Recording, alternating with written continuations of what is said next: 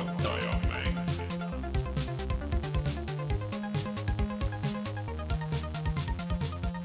tere tulemast, on reede, seitsmeteistkümnes veebruar aastal kaks tuhat kakskümmend kolm ja on aeg puhata ja mängida. mina olen Rainer Peterson, minuga täna üle interneti Martin Mets, tere, tere tulemast tagasi. ja Rein Soobel, hei, hei, hei, tere tulemast ka tagasi, kuigi sina olid eelmine nädal olemas. palju õnne mulle. jaa äh,, aga meil oli see Martiniga, vaata mingit nalja me tegime ja mingit aru sa pidid seekord andma, et äh, selle äh, kohta, et miks sind eelmine nädal ei olnud, nii et ma ei tea, ma loodan, et sul endal on rohkem meeles kui meil. minul on ainult meeles, et, et äh, Martin pidi seletama. ei mäleta. ma isegi ei mäleta, miks ei olnud. selge, see läks küll hästi jah, Äh, aga ma loodan, et vähe, vähemalt äh, sa oled vahepeal mänginud asju, et kui ma vaatan siin seda listi, siis meil on ikkagi nagu äh, päris mitu asja siin äh, nimekirjas ja meil on täna ikka pikemalt mängudest juttu, mis on hea, sest et äh, uudiseid jällegi nii palju ei ole, nii et äh, tuleb, tuleb minna hooga äh,. aga äh, teeme siis kohustusliku osa kiirelt ära, ehk siis meid saab toetada Patreonis, patreon.com, kaldkriips puhata ja mangida. ja kui te seal, Patreon, just nimelt, ja kui te meid seal toetate, siis äh, saate tulla meiega Discordi chat ima, saate tasuta mänge äh,. ja loodetavasti, kui me selle retro striimimise saame paremini paika, siis võib-olla hääletada mängude poolt, mida, mida seal retros äh, mängida ja nii edasi ja merch'i ka äh, kui kellelgi on huvi nende uute särkide vastu, siis äh, tegelikult kirjutage mulle Discordis ja siis mõtleme midagi välja, kuidas neid saab, et äh, neid on, ma ei tea, kas kaheksa, kaheksa tükki on vist äh, järgi. nii et jah, aga hoidke silm peal ja kindlasti siin küsitakse meil chat'is ka, et millal oli meie esimene saade, meie esimene saade oli aastal kaks tuhat kaksteist ja kindlasti saavad esimesena teada äh, meie Discordi inimesed ja Patreoni toetajad sellest, et millal kogu meie kümne aasta arhiiv siis laivi läheb, kus ma olen ilusti ära sorteerinud, korda teinud kõik viimase kümne aasta audiosaated. nii et hoidke, hoidke silm peal ja otse loomulikult tahaks tänada ka meie suurtoetajaid, Taavit, jutlustaja X-i, Device nulli, Failistit, GameCami, Kalevust, Emel Linuxit ja Randroidi ja otse loomulikult kõiki teisi, kes meid praegu veel toetavad, plaanivad seda tulevikus teha või on seda kunagi minevikus teinud, sest et ilma teieta oleks meil seda saadet väga-väga-väga raske teha. nii et patreon.com, kaldkriips puhata ja mangida ja siis meil on ka äh, otse loomulikult Youtube'i kanal Youtube.com, kaldkriips puhata ja mangida, kui te vaatate äh, või tahaksite näha seda saadet laivis, siis tulge meie Youtube'i kanalile. Ja siis eelmine nädal läks meil üles mänguvideo äh, mängust nimega Hi-Fi Rush. Ja see ilmselt äh,, kuidas nüüd vaadata, et äh, mõnes mõttes võib-olla siukse kõige ausam mänguvideo, mis me oleme teinud kunagi või siis ka mõne jaoks võib-olla kindlasti kõige frustreerivam video vaadata aga kindlasti, kindlasti, kindlasti meelelahutuslik. kindlasti meelelahutuslik, nii et äh, Rein, kui sa ei ole, jätsin pooleli. jaa, kui sina, et ma meie ei mõtlesin, jätnud, natukene, liiga, liiga kaua pidi vaatama sind äh, ühes kohas mm., kui sa välja mõtled, mis nuppu sa pead vajutama. et, et kümme aga korda liiga palju. Äh, selline see rütmimängude kõik dislike ka palun. no pange kasvõi diskile, tegelikult ärge pange, see vist kuidagi kanalile mõjub halvasti. ärge, ärge klikkige kuskile midagi, pange like igaks juhuks lihtsalt. otsige Rainer Twitteris ülesse ja öelge seal, just, pange Rainerile Twitteris dislike. sa ei hüppa hästi, mees. õpi hüppama, Äh. kasuta topelthüpet kui üksikhüpe ajab asja ära, sa raiskad aega, sul tulevad laserid taga. jah, tõsi, tõsi, teil on õigus, teil on õigus, ma ei, üldse ei salga. kui te tahate saada teada, millest äh, Rein ja Martin räägivad, siis äh, minge vaadake seda videot ja siis saate ise öelda selle, selle seal.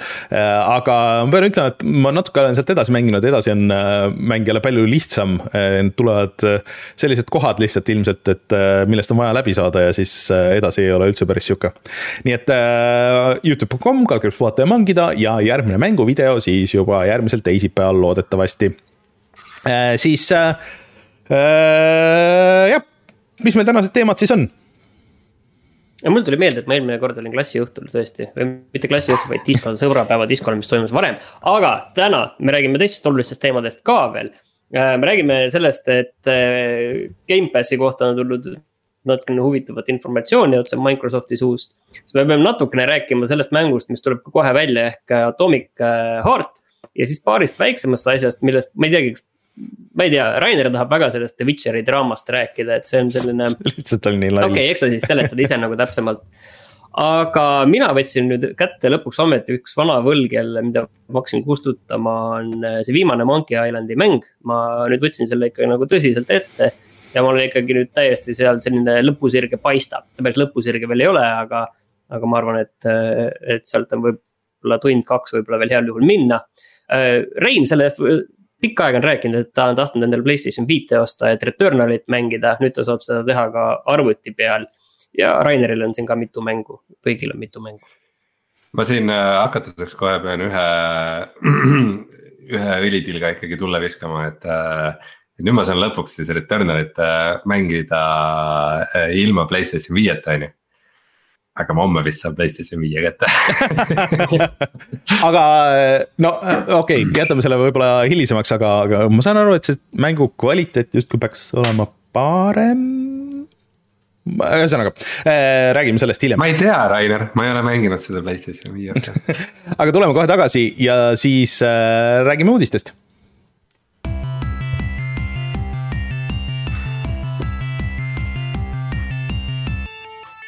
uudised. ma olen šokeeritud. Äh, Rein, Rein, aga mis päeval nüüd PlayStation VR kaks välja tuleb? ma tahtsin seda, sellega äh, alustada. ma olen ikkagi šokeeritud, ma olen järgmise, esimese uudise osas olen juba ette šokeeritud, enne kui see üldse algab no.. Äh, aga PlayStation VR kaks äh, tuleb siis nüüd välja kakskümmend kaks veebruar ehk järgmisel kolmapäeval. samal päeval siis on ka ametlik väljatuleku kuupäev minu meelest äh, siis sellele Horizon'i asjale, äh, Call of the Mountain. ja kas see Resident Evil kaheksa ja Grand Turismo seitsme need VR moodid tulevad vist ka kohe siis veel. Grand Turismo oli minu meelest küll kohe äh, päris palju arvustusi on praegu juba tegelikult väljas, et see arvustuste embargo vist. täna läksid, täna ja. läksid laivi. et äh, isegi eesti keeles ma vaatasin, Sten oli kirjutanud äh, Postimehes ja nii edasi. ja no. üldiselt, üldiselt kõik vist äh, kiidavad aga kõigil on ka seesama, üks sama kommentaar selle kõige juurde, jah. Et mänge ei ole siis, sa jätad selle pealt õhku niiviisi rippuma. nojah, et, et, et hea masin, aga, aga ei ole uusi mänge piisavalt, et, et selle, see Horizon on tuus, aga, aga selles mõttes, et eh, sellest üksi ei piisa no kolm, kolm, tähendab üks eraldi mäng, kaks suurte mängude porti ja ports vanu mänge, ma arvan, see on. suht samasse kategooriasse kui Playstation viie mäng. ja ega seal viiel ei olnud tegelikult ka midagi väga palju rohkem nagu eh, hõisata, et täpselt mm. umbes samamoodi oli see ka Playstation viie launch aga ma ei tea, no ma arvan, et me räägime sellest natuke pikemalt nagu järgmine kord. Eestis on see ilmselt suhteliselt hästi ka müügil olemas, eeltellida, ma nägin Euronixist saadi, hind oli koos selle mm, Horizon'i mänguga kuus üheksa üheksa, et nii, et odav see, odav see asi kindlasti nagu ei ole no,. aga samas äh, Digital Foundry lõi nagu need äh, originaal VR-i, Playstation VR-i hinna nagu kokku, et kui sa ostsid tegelikult kogu selle komplekti. ehk siis äh, okay. kes ei mäleta, siis Playstation VR ühe puhul seal oli ainult see peaseade ja sa pidid eraldi ostma juurde ja. kaamera, sa pidid eraldi ostma juurde need puldid, need movie puldid. ja kui sa panid need kokku, siis tegelikult see vist isegi tuli nagu natuke rohkem kokku kui, kui see Playstation VR kaks, pluss sul ei ole seda. viiesaja viiekümne kanti jah. pluss sul ei ole kokku seda, mm, seda kogu kaablimajandust, mis sul oli Playstation VR ühega, mis oli horror, nii et, et, et selles mõttes jah. okei okay,, aga, aga võtame selle teema nagu järgmine kord, ma tahtsin öelda, et ja. ma tahtsin minna Reinu äh, šokiseisundi juurde nüüd tagasi. Lähme. no mis, mis, mis sind, mis sind šokki viis? ma tean, et nagu ma ei ole keegi sihuke majandusspetsialist aga kas on tõesti võimalik, et kui sa annad inimestele tasuta mingi mängu, et siis nad ostavad seda vähem mis asja, see ei saa olla tõsi, see, oot-oot-oot, see midagi siin ei klapi Rein siis vihjab jah, sellele Microsofti uudisele, kus nad ütlesid, äh, see, see on ka, ka veel kõik äh, seoses selle, selle Activisioni värgiga, mis kisub ikka nagu päris inetuks, nagu mulle tundub, et Sony pritsib ühelt poolt ja Microsoft pritsib teiselt poolt ja nii edasi ja siis mõlemad üritavad kuidagi näidata ennast hullult hädisena ja et meil läheb ikka nii halvasti, et meil on vaja, et kas, kas see läheb läbi või et see üldse nagu ei lähe läbi, et noh, üks kahest, et aga siis viimase nädala uudis oli see, et jah, Microsoft ütles, et vastupidiselt kaks tuhat kaheksateist aasta juttudele, siis äh, mängude baasversioonid müüvad halvemini, aga et ma rõhutaks seda sõna nüüd siis, et äh, baasversioonid on ju, et mängud, millel on DLC noh, et äh, võib-olla see müüb hästi, sest et üldiselt see Gamepassiga DLC-d kaasa ei saa, mingid väga üksikud erandid on, kus on olnud. et aga see ilmselt ei ole üllatuseks kellelegi, tõesti. see, see siis tuli välja, ühesõnaga tegelikult seal äh esitatud paberitest mm, -hmm. mitte siis Microsoft ei käinud selle kohta pressiteadet välja saatmas. noh, siin tegelikult see on nagu üks osa mängust, et nagu Rein ütles, et jah, et kui sa tasuta annad ära või sa annad kümne eurose tellimusega ära neid asju, siis, siis muidugi seda ostetakse vähem. siit muidugi ei selgu absoluutselt see tegelikult, et kas äh, A, kas see on Microsoftile tegelikult kasumlik, sellepärast et äh, Gamepassi ju tellitakse ka palju ja seal tekib, see mm, nii-öelda massiefekt et äkki see on Microsoftile ka kasulik, võib-olla ei ole, ei, ei tea, ega neid numbreid ei näe. ja teine asi on, et ega siin ei näe ka selle sisse, kas nagu arendajale, kes annab oma mängu Gamepassi. et kui palju täpselt tema sealt raha saab ja kui palju täpselt no. äh, ikkagi need müügid nüüd kukuvad. et ega me selle sisse ka ei näe, nii et. pluss äh,. tegelikult see on ikkagi noh pluss on situatsioon, situatsioonid, kus noh, näiteks, et äh, seesama Hi-Fi Rush, eks ole Äh, on ju Gamepassis, aga see oli ka üks, äh, siis kui see välja tuli, siis need kaks nädalat, see oli üks müüdumaid mänge Steamis. et äh, siin nad vihjavad muidugi sellele Microsofti enda poele, et konsooli peal sul on tõesti raskem ja noh, miks keegi peakski nagu väga ostma mängu. eriti kui see on Microsofti ja noh, siin jutt käib ka nagu Microsofti enda nendest nagu first party reliisidest, mida on esiteks piiratud arv, on ju Äh, ja et miks sa peaksidki seda ostma, kui sa tead, et see, see kohe kindlasti sealt ära ei kao, et nende teiste kolmandate väljaandjate mängud. noh, sa kunagi ei tea, et võib-olla ta kuu aja pärast enam nagu ei ole, noh tõenäoliselt pigem nagu kas poole aasta või aasta pärast nagu enam seal ei ole ja võib-olla sa tahad seda kunagi tulevikus mängida. ja võib-olla ostad siis selle soodukaga, on ju aga, aga jah, et, et eks see on nagu keeruline, et see ei ole niisama lihtne, et, et ja üks asi, üks asi veel, et pean, pean siin ikkagi veel korra Microsofti advokaadiks hakkama, et see, see tsitaat, millega siis nagu võideldakse, et millal Microsoft ütles et ei, ei, et see absoluutselt meie mängude müügile kahjuks ei tule, et see on siiski viie aasta vanune tsitaat, kus Gamepassi kasutajate arv oli ka meeletult palju väiksem aga, aga noh, selge on, et okei okay,, kui see on täna nii, siis see on äh, täna nii ja, ja eks see on iga, iga arendaja otsus on ju, et kas nad annavad selle mängu sinna, et põhimõtteliselt kui palju nad usuvad, et nad suudavad seda mängu ise müüa versus see, et Microsoft annab Gamepassi eest meile äh, X, äh, X summa mingid artiklid muidugi on olnud, kus äh, arendajad on ise nagu suhteliselt rahul olnud, et äh, noh, Indikad, kes on öelnud, et äh, ja isegi, isegi Pentiment oli, et, et noh, et kui ei oleks Gamepassi olnud, siis seda mängu ei oleks olemas, seda ei oleks kunagi välja tulnud ja. ja noh, kas arendajal on väga vahet, et kas nad saavad selle raha pikemast müügist või nad saavad selle korraga ette ära jälle nagu teisest küljest? no pikemast müügist võid nagu rohkem saada, et siin selles no. mõttes, aga võid ka vähem saada, aga saad selle raha nagu kohe kätte. me võiksime muidugi testida seda küsimust tegelikult ühe mänguarendaja käest ja küsida, et kui, kui ütleme, et pakutakse noh, poolteist miljonit, ei, ütleme miljon. et kas Rein, sina paneksid oma mängu Gamepassi? Ütleme, et sul arenduskulud, ütleme niiviisi, et on olnud äh, pool milli, sa tuleksid nagu äh, topelt, äh, saaksid selle raha nagu tagasi, ütleme, et jah, et sa oleksid selle kaudu kohe kasumis.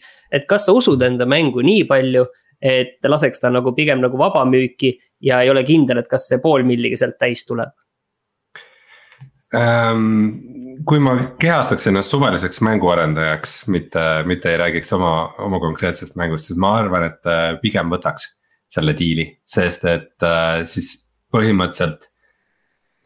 vaata mänguarendajal tegelikult ei ole võib-olla väga suurt vahet, et kust see raha tuleb äh,. sest et kui, kui arendaja on stuudio, kes teeb diili mõne levitajaga äh,. siis põhimõtteliselt tema jaoks on olukord täpselt see, sama, et nagu lihtsalt siis see levitaja on see, kes annab selle raha ja pärast levitaja võtab selle, riisub selle esimese koore sealt ka, et. Äh, see, kui, kui mänguarendajal midagi sealt pärast nagu tiksub kusagilt, siis see on kõik boonuseks et äh, ma arvan, et enamus mänguarendajaid on selles olukorras äh, niikuinii, aga lihtsalt see algne väide Microsoftile, et üldse, et ei, et see ei muuda nagu midagi, et need mängud pärast müüvad sama palju veel otsa, et see.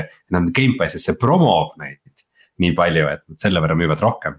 Ma arvan, et see, see on ikkagi täiesti naiivne väide ja see nüüd sai ikka tõestatud, et nad tegelikult tegelikult Microsoftist keegi nii ei mõtle. aga nad rääkisid muidugi ainult nendest äh, enda mängudest, et vaata teised mäng-, et äh, kui need on tasuta mängimised, need alguses saavad selle kõva boost'i ja võib-olla siis nagu hiljem ka, et kui need juba seal ei ole, siis nad saavad nii-öelda selle reklaamiraha nii-öelda tasuta, mida võib-olla muidu oleks olnud keeruline saada, aga noh, see on ka võib, võib-olla on see naiivne vaade teisest küljest see on ka see, et sul ei ole ka garantiid, et keegi seda reklaamib, et see ei pruugi kuskil lepingus sees olla, et üldse mingit promo võib-olla, et Microsoft võib vaadata, et ma ei tea, see Pentiment nagu, et äh, sellele me küll ei hakka reklaami tegema, et kui müüb, siis müüb, et paneme tasuta Gamepassi ja vaatame, et need pole meie probleem. no vaadake. no see oli nende enda see... mäng ikkagi, et see oli antud juhul ikkagi nende probleem, aga no okei okay,, see Pentiment on ka nagu selline näide on ju.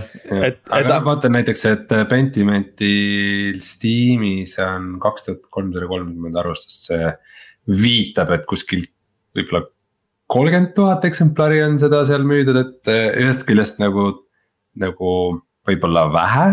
Aga samas, kui sa saaksid selle mängu praktiliselt tasuta Gamepassiga, siis see näitab, et on ikkagi väga palju inimesi kes ei kasuta Gamepassi ja kes on pigem valmis nagu täishinnaga selle mängu teisel platvormil ostma.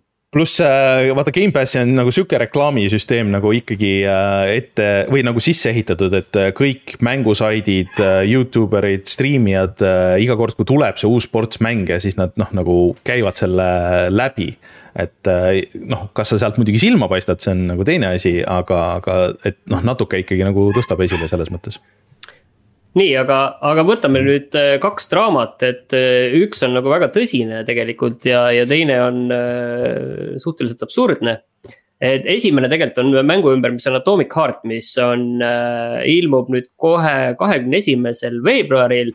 ja, ja see on siin seda, seda kehva tähelepanu juba saanud ka varem ja mitte sellepärast, et mis see nagu mäng nagu tegelikult niivõrd ise on, hoolimata oma sellistest äh, noh, selline nõukogude vibe'iga BioShock, kui seda kuskile kuidagi nagu äh, kirjeldada, siis äh, nüüd selle mängu helilooja äh, Mikk Gordon äh, annetas kogu enda sealt saadud honorari, annetas Ukraina sõja mm, abistamiseks.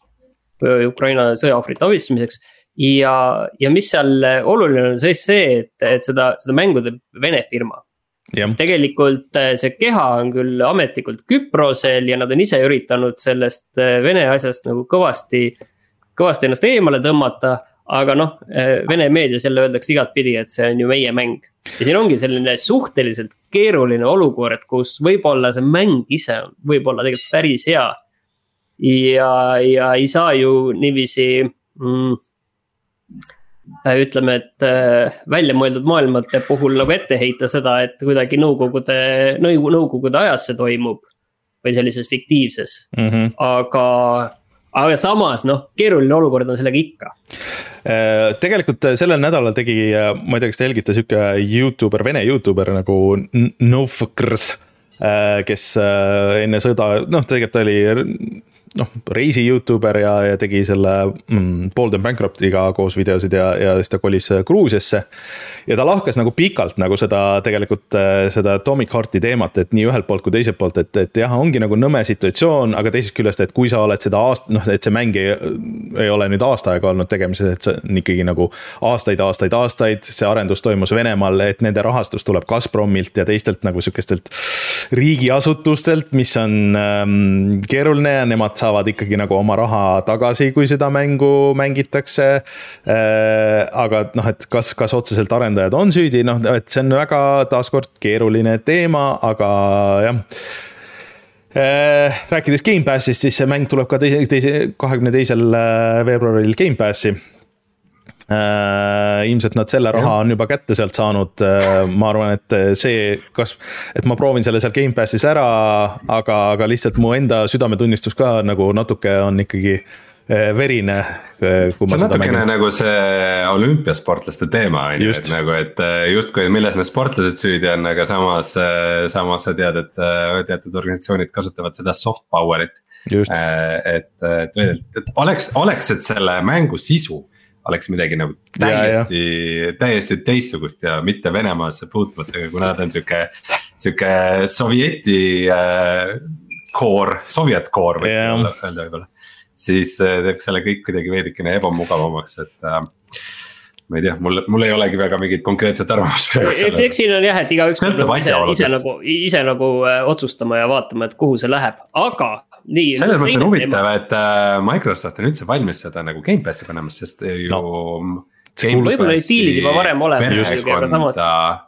kuulub ju ka Stalker, et justkui mõlemad pooled on esindatud nojah, noh, Stalker on selles suhtes ikkagi nagu Ukraina stuudio film, mäng ja nii edasi, et aga. ma mõtlengi, et mõlemad pooled on esindatud selles osas et äh, eks ta keeruline on ja ma arvan, et sellepärast nad äh, rõhutavadki, kui sa otsid äh, Google'is seda Atomic Hearti ja selle, selle firma kohta, siis nad igal pool jah rõhutavad, et kuidas nad on äh, multikulturaalne, kulturaalne Küprose firma kes seda arendab ja seal igalt poolt on ära pestud see Venemaa, aga. Küpros on vist põhimõtteliselt Venemaa tänapäeval. nii, aga, aga Rainer, võtame nüüd selle teise teema, mille ma välja reklaamisin no,, et mis värk selle Witcheriga siis on, et no,. Äh, ja Rainer, sina tahad sellest rääkida, räägi meile. no räägi, okei okay., ühesõnaga. täiesti pulkadeks. Äh, Witcherist tuli siis uus versioon äh, Witcher kolmest, mis tõi ray tracing'u paremad paremad tekstuurid ka konsoolidel, tegelikult see on ka arvutil ja nii edasi. ja me siin seda proovisime kuigi ta säilitas ikkagi nagu mõned vead sealt äh, originaal The Witcherist, äh, siis äh, nägi ikka väga hea välja. aga mis siis avastati, on see, et ma ei tea, kas äh, te mäletate seal suhteliselt see on mingi esimeseks kolmandikus on vist äh, see, see quest, see oli side quest, kus sa äh, teed siuksed vanad koledad nõiad, aitad nendel, ma ei mäleta, kuidas see täpselt läks, kuskil seal mul jäi pooleli ka. Äh, aitad nendel noorteks ilusateks tüdrukuteks saada või, või oli see, oli see vastupidi, kuidas see täpselt oli? et igatahes need olid. mitte päris, mitte päris. ei olnud päris nii või? ma võin, võin seda. no aga värskenda mu mälu, ma ei, ma ei mäleta, kuidas see täpselt oli.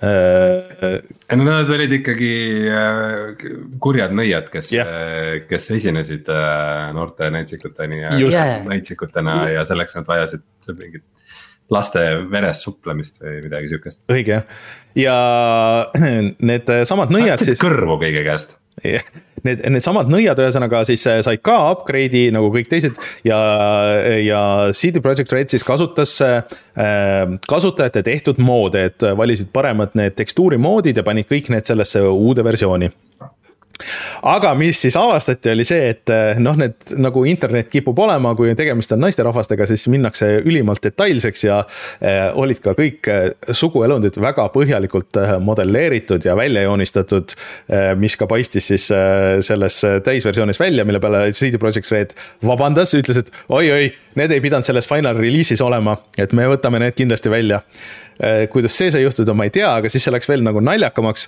ehk siis see tüüp, kes selle moodi nagu originaalis tegi, ütles, et mina küll oma, et minu käest pole küll küsitud, et seda võib seal kasutada ja üleüldse mis siis selgus, et keegi kolmas moodi äh, tegija siis äh, oli võtnud selle, äh, tema need suguelundi tekstuurid ja siis pannud oma pakki, mis siis litsenseeriti ametlikult. ja ta valetas CD Projekt Redile, et, et ei, et mina otsast lõpuni tegin selle, mis iganes osa selle osana siis need valed tekstuurid seal olid ja ühesõnaga sihuke väga keeruline asi. aga nüüd need võetakse välja, aga nüüd on twist on see, et kui või kuna see uus versioon ilmus plaadi peal siis kas see plaat läheb hinda, et seal on see originaal tsenseerimata The Witcher kolm äh, nagu mõned teised mängud, et see, see on lihtsalt naljakas sellest võiks suurem jama tulla see on sihuke hot coffee level huumor põhimõtteliselt oota, aga mind huvitab hoopis see, et, äh, et selles next gen patch'is nagu yeah. teadlikult olid neil kasutajate moodid sees. ja, ja seda nad rääkisid algusest peale. no aga miks sa peaks ise midagi ah, tegema just. kui keegi on selle juba valmis teinud ja võid talle maksta. see on, see on tõesti veits sihuke et, et see oli litsenseeritud, et see, seda ei tehtud nagu selles mõttes äh, Äh, nende mooderite teadmata, äh, vaid äh, ikkagi nagu küsiti ja maksti raha neile ja, ja nii edasi, aga, aga lihtsalt lihtsalt naljakas, aga teisest küljest näiteks äh, CyberPunkis seda probleemi ei olnud, CyberPunkis äh, olid ka vist juba algusest peale ju väga detailselt kõik suguelundisid nii meestel kui naistel. aga vist on see reitingu teema, et, et see muudab nagu jällegi omakorda reitingut osades piirkondades ja sellest võib väga suur jama tulla palju kära, mitte eriti millestki, aga lihtsalt natuke naljakas oli minu meelest. jah, ma, ma tõmbaks siia joone alla, ütleks. just sai, sai markeeritud, kümne aasta pärast on naljakas äh, vaadata seda dokumenti, et miks me rääkisime Witcheri suguelundistest. sa, nüüd validki teemasid selle järgi, et kümne ja, aasta just. pärast on retrosea meenutada, selge, selge, selge. nii, aga, aga räägime siis kaks Valve'i uudist, et, et et äh, üks on CS-GO kohta, mis äh, lõi nüüd äh, uue rekordi selles, et palju seda mängu korraga inimesi mängib. minul on osas raske aru saada, miks see, miks see rekord üks koma kolm miljonit korraga just nagu nüüd tuli mm,. ma, ma ei tea, selles mõttes, et ma, mina ei ole nagu mingit sellist erilist mingit muudatust näinud, mingit suurt uuendust ei ole tulnud, et küllaltki, küllaltki veider ja teisest küljest, kusjuures see ei ole otseselt Valve'i asi, aga samasuguse Steam'i rekordi tegi ka Apex Legends äh, vist tänu oma deathmatch'ile, mis nüüd välja tuli. Äh, ja, ja mitte üldse ka nagu halb number, ehk siis kuussada kümme tuhat äh, mängijat oli Steam'is laivis esimest korda. see on päris hea number. on, on. Aga... teine, teine uudis on Team Fortress kahe kohta, mis alguses seal vist natuke tekkis ka nagu segadus, sest esimese hooga tundus, et see saab nüüd mingi väga suure uuenduse. mille peale Valve natukene tõmbas tooni tagasi ja selgus, et noh, tegelikult see nüüd ei tule ka nagu nagu nii suur uuendus, aga noh, ikkagi, et see on ju veel vanem mäng kui CS GO, mis on vist üksteist aastat vana. jah, tuli. ma ei teagi, palju ta nüüd on, kuusteist või? Ja nad plaanivad midagi sarnast, et, et parimad moodid, mida sa saad praegu vist submit ida Valve'ile ja nii edasi, et nad võtavad need arvesse, võib-olla panevad sinna sisse. aga see oli mingi aasta või paar tagasi, kui ma sattusin mingite Youtube'i videote peale, et inimesed, kes aktiivselt mängivad siiamaani Team Fortress kahte, siis kurdavad, et noh, et, et mäng iseenesest on hea, aga suhteliselt võimatu on mängida, sest et see on nii täis igasuguseid cheater eid, häkkijaid. Äh, sul on võimatu leida mingit normaalset serverit ja nii edasi, et, et Valve on täiesti nagu jätnud selle kuskile, et mängijaid ilmselt oleks, kui nad viitsiks natuke tegeleda vaata kui huvitav, et see on mäng, millel nagu hoitakse servereid töös kõik ja Tõsi. ei ole niiviisi, et näed, suudetakse hoida nagu mängu küll niiviisi, kui on vaja nagu töös, mitte ei tõmmata Mm, kuue kuu pärast eh, juhe seinast, et eh, investorid on mures, et see viiminegi põleb ära. see on muidugi ka see twist, et nagu Valve, Valve ise tegeleb serveri asjadega ka ei pea vaata kolmandatelt. ma ei ole kindel, et ega nad, kas nad ise kuskil mingit serveri parki on ikka. on või? ma ei ole kindel, et kas see nende enda oma on see on huvitav teema tegelikult nagu kunagi keegi võiks kuskil põhjalikult mingi analüüsi teha. ja, ja kin-, ei. et kuidas, kuidas need mänguserveri asjad üldse nagu töötavad mm., ma tunnistan ausalt, mul pole õrna aimu ja ma tahaksin näha seda ESG auditit selle kohta, et äh, kuidas, kuidas see. kuskil Amazonis. jalajälg ka on ja nii edasi ja nii edasi, et see oleks. Martin Kauber ütleb, et, et ei ole nende servereid, et äh, ju siis kuskil on pikem ja põhjalikum info selle kohta, et äh, mis täpselt on. aga no,, aga, aga minu meelest nagu natuke naljakas on, noh, eks see muidugi on kõikide Valve'i asjade kohta, et Team Fortress kaks, et see oleks ju praegusel Fortnite'i ajastul megamäng, mis tagasi tuua sihukeses natuke modernsemas võtmes või isegi nagu väga palju ei peaks tegema uutele konsoolidele, masinatele, lihtsalt natuke streamline ida seda serveri osa ja, ja tuleks uus ports mängijaid peale suhteliselt kergelt võib-olla see on ainult minu nagu tunne. no vot ei tea, kas see tänapäeval nii kergelt käib, et mul on tunne, et seda nagu arvavad ka kõik, et on kergelt ja, ja tegelikult äh, mm,. tegelikult, tegelikult ju äh, noh, ütleme niiviisi, et äh, kõigile tundub, et see on nii kerge ja, ja siis nähakse, et kuidas need inimesed nagu ära kaovad, et see neid, nende mitmikmängude küljes nagu hoida on suhteliselt keeruline mm.. ja samas ongi nagu see CS-GO näide, et sa ei saa nagu täpselt panna nüüd nagu sõrme peale, et see on nüüd saanud populaarsemaks tänu mm sellele, et ei ole, ei oska öelda. Valve'il on muidugi see ebamugav asi ka, et kuna, kuna nad on nagu nii paljudes selline nagu levitaja partner. Siis kui nad äh, ise teeksid mingisuguse järje näiteks äh, Team Fortressile, siis oleks see, et see oleks veits nagu backstab mingitele Apex Legends itele ja asjadele, mis justkui nende platvormil on, vot veidi sama case nagu, et Fortnite oli sihuke. PUBG backstab, sest et see mõlemad tehti Unreal'i mm -hmm. mootoril või siis noh, Unreal'i ettevõte Epic tegigi. Fortnite'i, et, et selles mõttes nad ka võib-olla tahavad sihukest nagu head balanssi. mina sellesse nüüd nagu ei usu, et seal mingid sellised asjad oleks, oleksid, et, et Valve'il on mingid piirangud mingite teiste mängudega, ma hästi ei, ei usuks. Sest et, et CS GO ju käib ja jookseb ja seda ju uuendatakse, lihtsalt Team Fortress on jäänud kuidagi nagu sihukeseks vaeslapseks seal jah, et selline, ütleme, et selline sisemine, kasvõi isegi kui see kuskil lepingutes ei ole, et siis nagu Valve'il oleks mingi sisemine tsensuur, on ju, et äh, ei, ei, ma ei usu äh,. aga Rein, sul on väike, väike announcement siia lõppu. ja ma äh, lähen siis külastan äh, teist podcast'i ehk siis äh, M-Kuubis podcast'i meile meeldib mängida podcast Äh, pühapäeval lähen sinna, ma ei tea, millal laivi läheb, äh, Omar siin chat'ist oskab äkki äh, täpsustada, aga ikka tore teisi podcast'e ka külastada, on ju jah, nii et äh, mkuubis.ee hoidke silm peal, seal saab äh, ka äh, tellida ja vaadata äh, siis podcast'i, neil on vist Youtube'i kanal ka, kus äh, seda saab teha, nii et äh, tšekkige Reinu seal. pühapäeval YouTube... kell kakskümmend. jah, Youtube'is mkuubis äh,. vot aga äh, uudistega vist on ühel pool, et äh, tuleme siis tagasi ja vaatame, millest me rääkisime kümme aastat tagasi. retro. Äh, viieteistkümnendal veebruaril kaks tuhat kolmteist äh, meil oli Youtube'is Dead Space kolme video väga tahtnud, temaatiline. ma ei tahtnud üldse rääkida sellest, ma tahtsin äh, lugeda ette siit ühe teksti, mis on lühiuudiste all Gearbox lasi välja Aliens Colonial Marines, tuli välja ja oli pask. Gearbox ajab soga, et kes selle üldse tegi. see kõlab nagu Rainer on midagi kirjutanud. see oli, see oli megadraama tegelikult, et äh, see käis ju aastaid veel, et, äh, et vaat Gearbox võttis selle tootmise üle sellel äh, Colonial Marinesil ja siis nad näitasid mingit eriti ägedat treilerit ja siis mängus ei näinud üldse sihuke välja ja mingisugune sada häda oli sellega ja mulle meeldib see, et uudistes on ka, et see aasta tuleb uus Call of Duty ja ma ise naersin ka seda et kunagi, see oli uudis, et nagu, et see aasta tuleb ka Call of Duty. aga see. see aasta vist võib just olla see, et esimest korda ei tule. jah, äh, aga kas kuskilt sealtmaalt vist hakkaski Call of Duty'st saama see iga-aastane frantsiis, sest et see alguses ju ei olnud päris niimoodi ei, ma arvan, et selleks ajaks oli vist küll, aga ja... siis, siis hakkas see nagu ilmseks muutuma. okei okay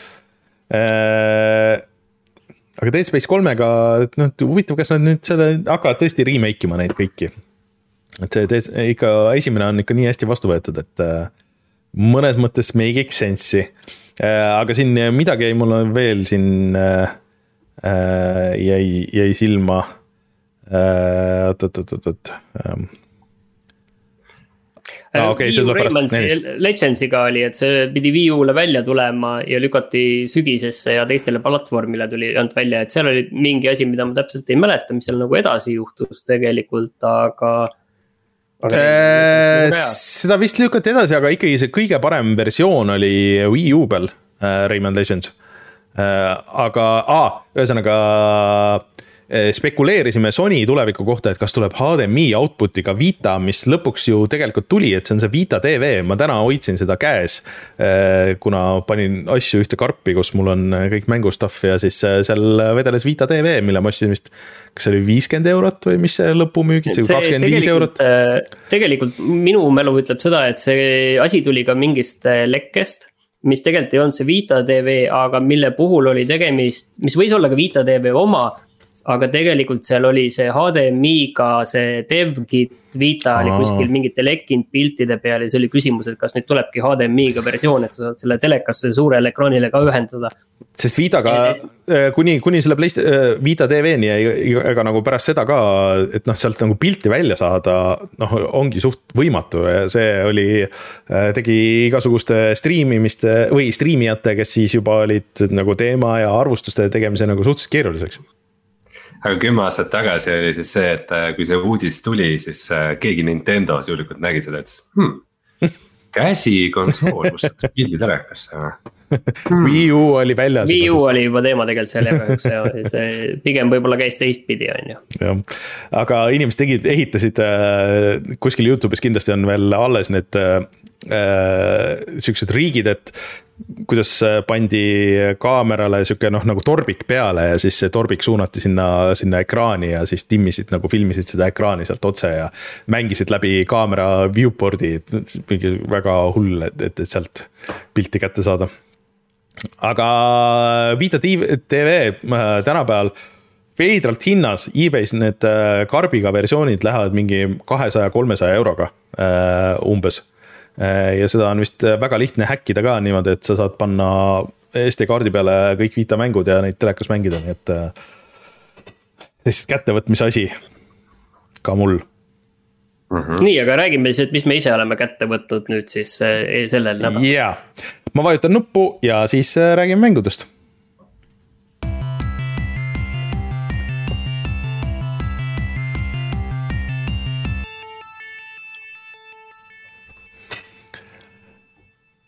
Rein, äh, tuleme ikkagi sinu juurde, et äh, mul on ka üks remaster uus, mida ma mängisin, aga, aga see sinu ähm, põhimäng on ikkagi nagu olulisem, et Returnal jõudis äh, pärast kõiki neid aastaid igasuguseid lekkeid ja spekulatsioone, jõudis siis nüüd PC peale ja sina oled seda mänginud, kuidas on? võib-olla ma alustaks sellest, mis asi see on. okei okay siis kaks aastat tagasi ilmselt, ei olnud päris PlayStation viie launch'i mäng on ju, sealt suht alguse poole. ta tuli pool kuu, pool aastat hiljem või viis kuud või midagi sellist, kevadel.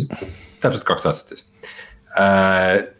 on siis äh, Housemarque'i poolt välja antud, ehk siis meie omad sõbrad, soomlased äh, tegid Triple A mängu ja siis müüsid ennast Sonyle maha veel ka olles Soome kõige vanem mängufirma ja põhimõtteliselt ma ütleks, et Returnal on nagu siis ähm,.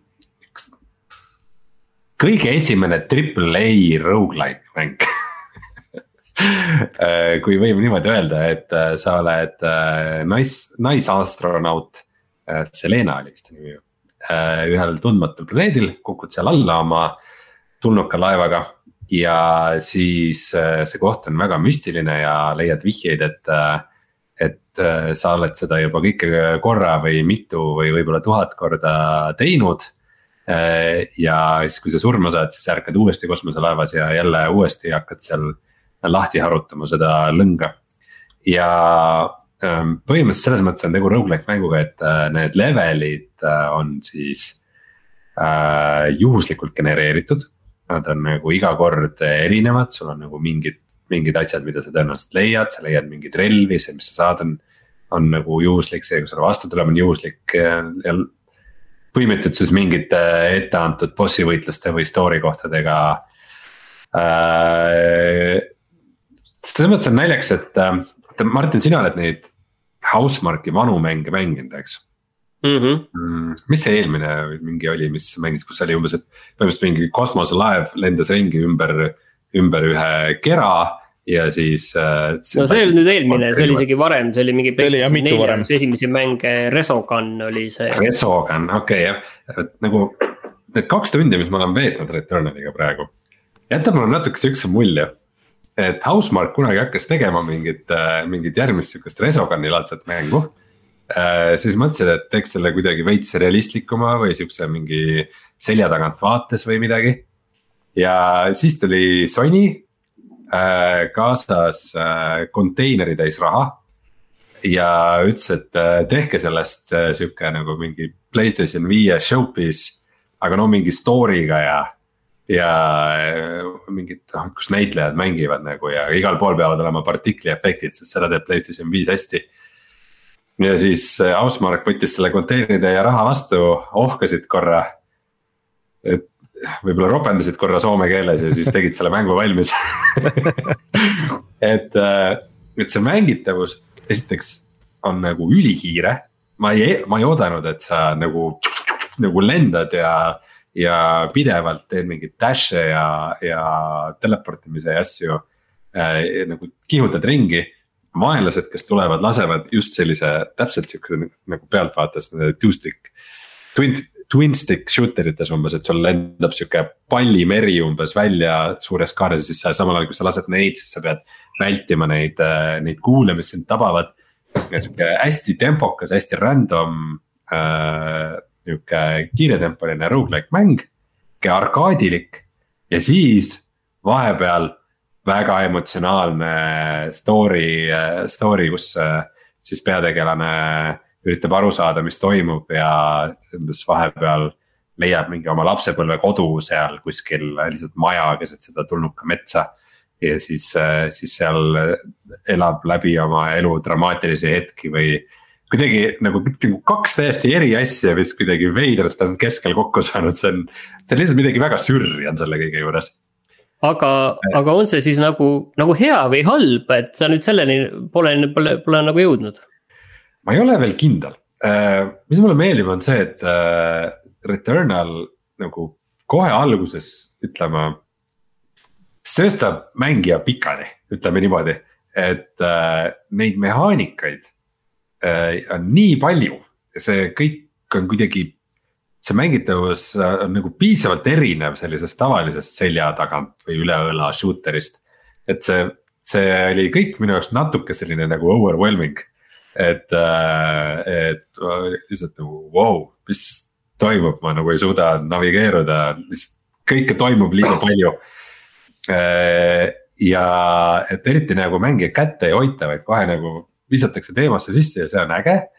Äh, aga mm, nagu, kas ta, kas ta nagu oma selle rogu-like konksu minu sisse ka saab, et ma nagu pidevalt tunneks, et oo oh,, et ma tahan nagu proovida ja avastada ja vaadata, mis ma leian ja. ja proovida paremini hakkama saada mingi teise asjaga ennast proovile panna, et nagu. selles ma ei ole veel kindel, seda seda näitab edasine mängimine, et kindlasti on seal ka sihuke nagu Metroidvania element. et sul on mingisugused ähm, kohad, kuhu sa alguses ei saa, et näed mingit, mingeid mm, kas, kas mingid väedid on kuskil ees, mida mm -hmm. sa ei saa veel läbi raiuda või et. sul on vaja mingit hookshot'i, millega ennast tõmmata kuskilt kohtadest üles, kuhu sa muidu ei pääse, et äh,. sa pidevalt nagu avastad mingeid asju juurde ja siis sa leiad mingeid random upgrade'e ja siis sul on nihuke mingi, ütleme, curse'ide süsteem äh,. kus sa teatud asjade üleskorjamisega nagu võtad teatud riski äh,. mingeid parasiite võid endale külge panna, kes teevad midagi head ja midagi halba sulle, et palju sihukest. Palju nagu modifitseerijaid ja palju timmimist ja see kõik tuleb alguses natukene liiga palju, liiga suure tempoga, aga näis, kas see tasub ära Eh, kusjuures see, mis sa otsisid enne, see väljend selle mängustiili kohta on bullet hell shooter ja minu meelest nagu ja. äh, huvitavam kui võib-olla isegi see, et, et see on nagu see esimene sihuke suure budget'iga rogu-like 3D mäng, siis on see, et see on võib-olla ka üks esimesi äh, siukseid äh, 3D character action bullet hell shooter eid äh,, mis on, mis on minu meelest äh, žanr, mida, mida võiks rohkem harrastada. ja siis tegelikult on tegelikult on üks asi veel, et ilmselt see on kõige kallim rogu-like, mille Rein sa kunagi ostnud oled, et see on kuuskümmend eurot, et rogu-like on tavaliselt kolmkümmend eurot maksimum ju sellised. No muidugi saad seal recycle dada content'i nii, mis kulub aga. see on, see on tõesti huvitav nagu nihuke triple A ja, ja arkaadi segu, seda võib ilmselt küll öelda jah. et eh, see on ju Housemarque'i jah, et nad on nagu aegade algusest peale olnud seal demoskeenes ja, ja just seda. see partiklid, ma arvan, et ei ole mitte Playstation viie asi, vaid on rohkem Housemarque'i teema, et kui sa vaatad neid äh, Resogun'e või äh,. või Super Stardusti, mida siin chat'is mainiti, et äh, need on puhas äh, põhimõtteliselt puhas partiklimöll ainult ja nad äh, olid. ühed, ühed spetsiif-, üks spetsiifiline partikliefekt on, et kui sa äh, lähed mingisse short range teleporterisse siis tegelane läheb sihukesteks nagu mullikesteks, kes justkui nagu lainena lähevad laiali ja siis äh, ajuvad laiali, siis lähevad teise kohta tagasi. see on nagu literally, literally Playstation viie reklaamist nagu seesama efekt et äh, selles mõttes on lõbus, kusjuures äh, ma ei tea, kuidas sellega nüüd Playstationi peal on, aga Steamis peaks olema ka mingit sorti koop. jaa, see tuli äh, hiljem Playstation viie peale ka äh, ja see on vist tasuta äh, Äh, tasuta DLC minu meelest. okei okay,, kuigi ma korra vaatasin seda option'it seal mängus ja siis see oli ka selline sihuke kõige, kõige lame im nagu juurde pandud asi umbes, et üks join ib teise mängu ja ise mingit XP-d ei saa ja mm. teine ei saa oma story progress'i siis teha ja mingi sihuke mingi sihuke, no jah, kuidagi midagi saab, aga see ei ole mõeldud selle jaoks, a la Far Cry co-op nagu. et, äh, et see jah, võib-olla liiga suuri tundeid ei tekita, aga ta on olemas, äkki saab proovida ja et see, mis PC-le ilmus, on vist siis äh, see nii-öelda complete variant, et et alguses, kui see äh, Playstation viiel ilmus ja maksis kaheksakümmend eurot vist või Äh, siis oli palju vähem seda sisu, kui praeguseks selle kuuekümne euro eest äh, PC peal. meil Discordis muidugi täna käis chat ka, et, et tegelikult selle saab ka mingi neljakümnega, kui väga tahta kuskilt äh, internetist, aga, aga jah, tasub silmad lahti hoida hmm.. ma ütleks ka seda, et minu meelest see Returnal võib-olla seal hilisemates levelites nagu setting muutub veidi, aga minu meelest ei ole väga ilus mäng, et mm. äh, see tegelane on nagu jah, hästi tehtud ja mõned efektid, aga need keskkonnad äh,, noh, need on vaata randomly generated mm. ka, siis on kuidagi mingitest juppidest kokku pandud, aga. minu meelest nad ei ole väga ilusasti seda lahendanud, et kõik on sihuke tume, läikiv, ühtlane mäsu veidikene, mis, mis nagu väga mingeid tundeid ei tekita. aga kuidas see struktuur nagu seal on, et, et me oleme rääkinud küll, et kuidas see on äh, rogu-like ja niimoodi, aga kuidas see nagu päriselt selles mängus töötab, et kuidas see progressioon ja see värk on äh,? kuna ma reaalselt äh, olen põhimõtteliselt teinud ühe pika run'i äh,, siis äh, mul on natukene raske kommenteerida seda, et kuidas need run'id varieeruvad ähm,. alguses on noh, ma ütleks suht sihuke tutorial'i moment on, kus sul tuleb sihuke üks liiga raske boss põhimõtteliselt äh,. kellega mina sain surma, ilmselt on kuidagi võimalik äh, ka ellu jääda, aga põhimõtteliselt siis hakkas minu nagu see õige esimene run. ja selle käigus mul õnnestus juba leida päris palju neid siukseid, neid Metroidvania asju mm, -hmm. mis sa nagu seal pead järjest saama. ja siis ma jõudsin mingi esimese suurema boss'ina, äh, kellel oli sihuke pikk kolmefaasiline võitlus, pluss kolmas faas oli liiga kuradi raske. aga põhimõtteliselt äh, nagu ikka rogu-like mängudes, sul on nagu mingid asjad, mis on niuksed nagu run'i põhised äh,. mingi ressurss, mida sa saad run'i põhiselt, et sa noh, veidike on nagu õnneasi, et mis sulle drop ib, aga samas sa saad ka mingeid asju koguda ja mingi fabrikaatori osta asju. ja siis on teine ressurss, mis sulle jääb nagu alles, kus sa saad nagu permanentseid asju mm.. et äh, ehk siis nagu ikka rogu-like ides okei okay äh, nii et äh, värskesse kulda sa veel ei taha panna? veel ei taha jah, okay.. ja, ja, ja ma ütleks selle ka ära siis, et äh, see level disain või see ülesehitus ei ole nagu eriti lineaarne, et sul on mm -hmm. nagu päris mitu suunda, kuhu võib minna, et kas need kõik hargnemised lähevad pärast kokku või. või omavad mingit olulist erinevust. seda on raske öelda. siis vahel sa leiad mingeid nagu treasure room'e ja võib-olla mingeid kohti, kus sa saad endast koopia jätta, et saad ühe, ühe nagu lisaelu ja respawn ida ühes mm -hmm. kohas ja igast, ma ütlen, ma ütlen alguses seda kõike oli lihtsalt liiga palju okay. mõtlesin, ma mõtlesin niimoodi õhtul hilja nagu, et no natukene proovin korra, vaatan lihtsalt, mis mäng see on ja siis kaks tundi hiljem, mis toimub no aga see on ju hea märk ju. ma, mina ütleks, et see on pigem hea, mitte mm. kõigi jaoks, aga mul, mulle, mulle meeldib, kui mängud ei ei eelda, et ma olen mingisugune toolakas, kes vajab äh, väga palju õpetamist ja käehoidmist kuule, aga see toob mind äh, väga täpselt siia selle, selle mänguni, mida mina sellel nädalal kõige rohkem võib-olla mängisin. Äh, ja see tuli täiesti üllatuslikult eelmine nädal välja, siis kui me rääkisime Nintendo Directist ja see kuulutati seal lõpus välja. ehk siis Metroid Prime'i esimese osa remaster Nintendo Switch'i peal ja nüüd. sa juba rääkisid sellest eelmine ei äh,, siis me, siis ma ei olnud veel koodi saanud, aga, või tähendab, just oli saadetud kood, ma ei olnud jõudnud seda veel käima panna äh,. ja ma olin nagu alguses nagu natuke skeptiline, et ma aegade jooksul olen seda algust äh, erinevates versioonides mänginud Wii U peal ja, ja emulaatoril ja mis iganes, aga ma ei ole kunagi nagu väga kaugele saanud. et, et noh, et kui palju nad, et et see oli ikkagi nagu esimene 3D Metroidi mäng, üks esimesi seda tüüpi noh, FPS mängudest, mis Nintendo välja andis vist küll ka nagu, kui sa Nintendo kuutekümmet nelja ei võta arvesse. et, äh, et eks ta nagu suure tõenäosusega on nagu aegunud nagu natuke ja, ja et, et kuigi ta peetakse üheks sihukeseks mängunduse tüvitekstiks, aga et kuidas seda siis äh, ikkagi nagu tänapäeval mängida on. ja ma olen ikka hullult positiivselt üllatunud et äh, ma olen siin mitu bossi võitlust juba ära teinud ja seda, seda maailma nagu avastanud siin mitu tundi. ja see on ikka mega hästi tehtud, et äh, esiteks juba see, äh, tegelikult see remaster iseenesest nagu ähm, väärib natuke rääkimist, et see ei ole see ei ole nüüd päris nagu remake, et nad ei teinud seda nullist. Aga nad ei remasterdanud ka niimoodi nagu ähm, Äh, see PC-l, äh, kes see teeb, see neid äh, põhiasju, Night Dive. et noh, et paneme selle ilusti nagu jooksma kiiremate nagu kaadrisageduste juures ja, ja tänapäevastel platvormidel, aga me midagi siin ei puutu.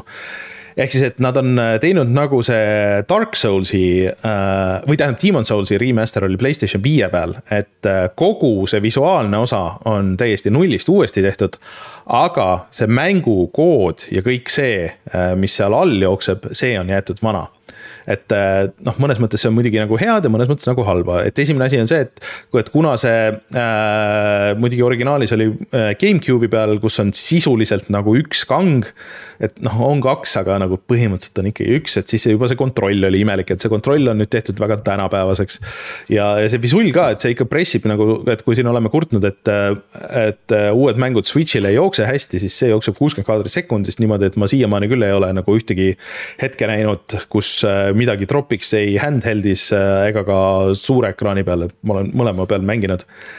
Äh, ja, ja ta ongi suures plaanis see, et Martin, see peaks sulle võib-olla huvi pakkuma, et, et ta ongi nagu Metroid ja Metroidvania lihtsalt nagu FPS-ina.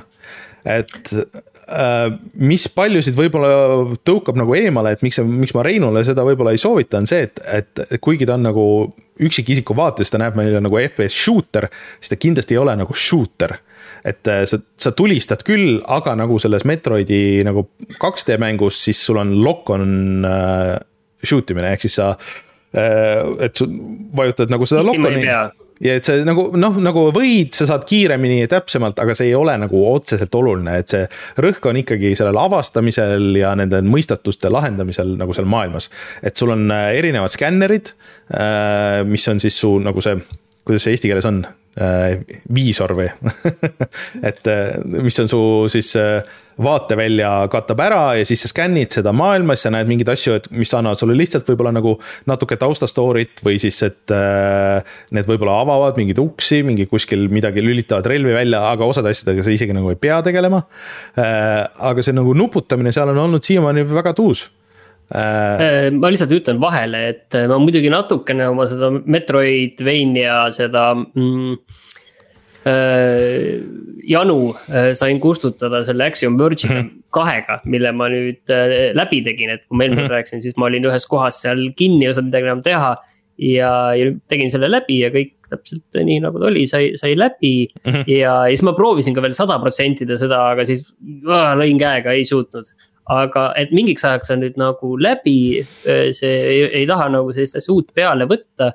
Aga tegelikult mulle tundub, et see on täpselt see, et see Metroid, kus on tegelikult, Metroidvania, kus on tegelikult asjad natukene teistmoodi ja, ja see nagu tundub huvitav mm et äh, üllatavalt hästi lihtsalt, et arvestades, et nad seda nagu mängu ennast nii palju ei näppinud, et, et ainuke see paar asja, mis ma nagu olen sealt on tundnud, on see, et see save'i süsteem on päris brutaalne. ehk siis, et kui sa nagu nendes fikseeritud kohtades ei save'i, siis äh, sul võib minna vabalt mingi pool tundi kaduma, sest et need on väga hõredalt seal.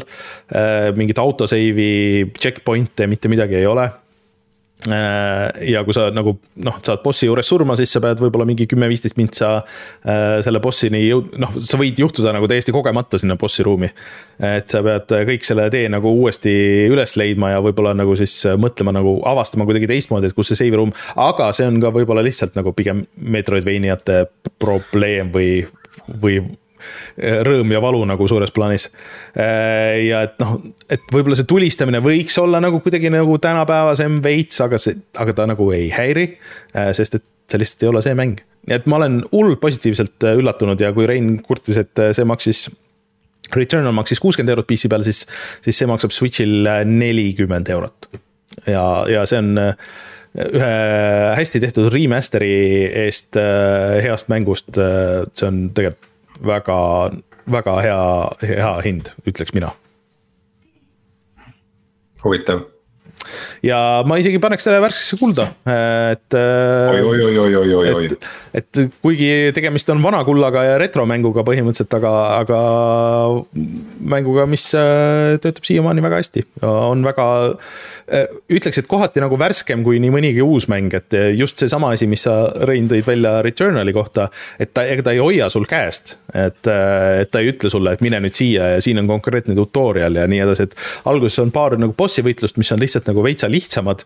sa saad nagu aru, et okei okay,, et siin me õpetame asju, aga sellega nagu see kõik piirdub ka, et ega keegi ei ütle nagu väga, et äh, näed, siit läheb rada, kuhu minna ja, ja, ja siit tee nüüd seda ja see A-nupp hüppab ja mis iganes, et, et äh, seda värki ei ole. et väga äge minu meelest nii, aga, aga ma võtan siis enda äh, võla ette, mida ma siin nagu ütlesin enne kustutan, ehk siis Return of Return to Monkey Island, mis siis ilmus tegelikult eelmise aasta septembris ja. Ja kuidagi mul kohe alguses mingil segastel põhjustel jäi, jäi pooleli mm,. see maksab kakskümmend kaks eurot, et me tuleme nüüd hinnas kogu aeg aina alla mm ja, ja nüüd on see mul peaaegu läbi, ma arvan, seal mingi kümme pluss tundi olen seda teinud ja, ja ma nende achievement'ide pealt nägin, et seal on viis viis erinevat act'i või vaatust ja mm, -hmm. ja ma olen ilmselt kuskil neljanda lõpus, mis oli selline kõige suurem ja, ja mahukam asi ja kus ma olen nüüd kõik ära teinud. Ja, ja noh, sellest kunstilisest stiilist me oleme natuke juba rääkinud, tegelikult see on, kõik on minu meelest nagu okei okay,. mis võib-olla nüüd äh,, vot see on hästi keeruline hästi keeruline rääkida kõigest heast, mis seal on, et me kuskil aasta lõpu saates rääkisime ka, et peaks rohkem rääkima sellest, et mis on nagu hea, aga. aga Monkey Islandi puhul on hästi lihtne rääkida sellest, et mis on, mis on nagu kehv või mis on valesti. me oleme rääkinud siin nendest naljadest, on ju, et paljud naljad on sellised, et. Äh, et noh, ei ole nagu kõige värskemad, on ju mm. -hmm.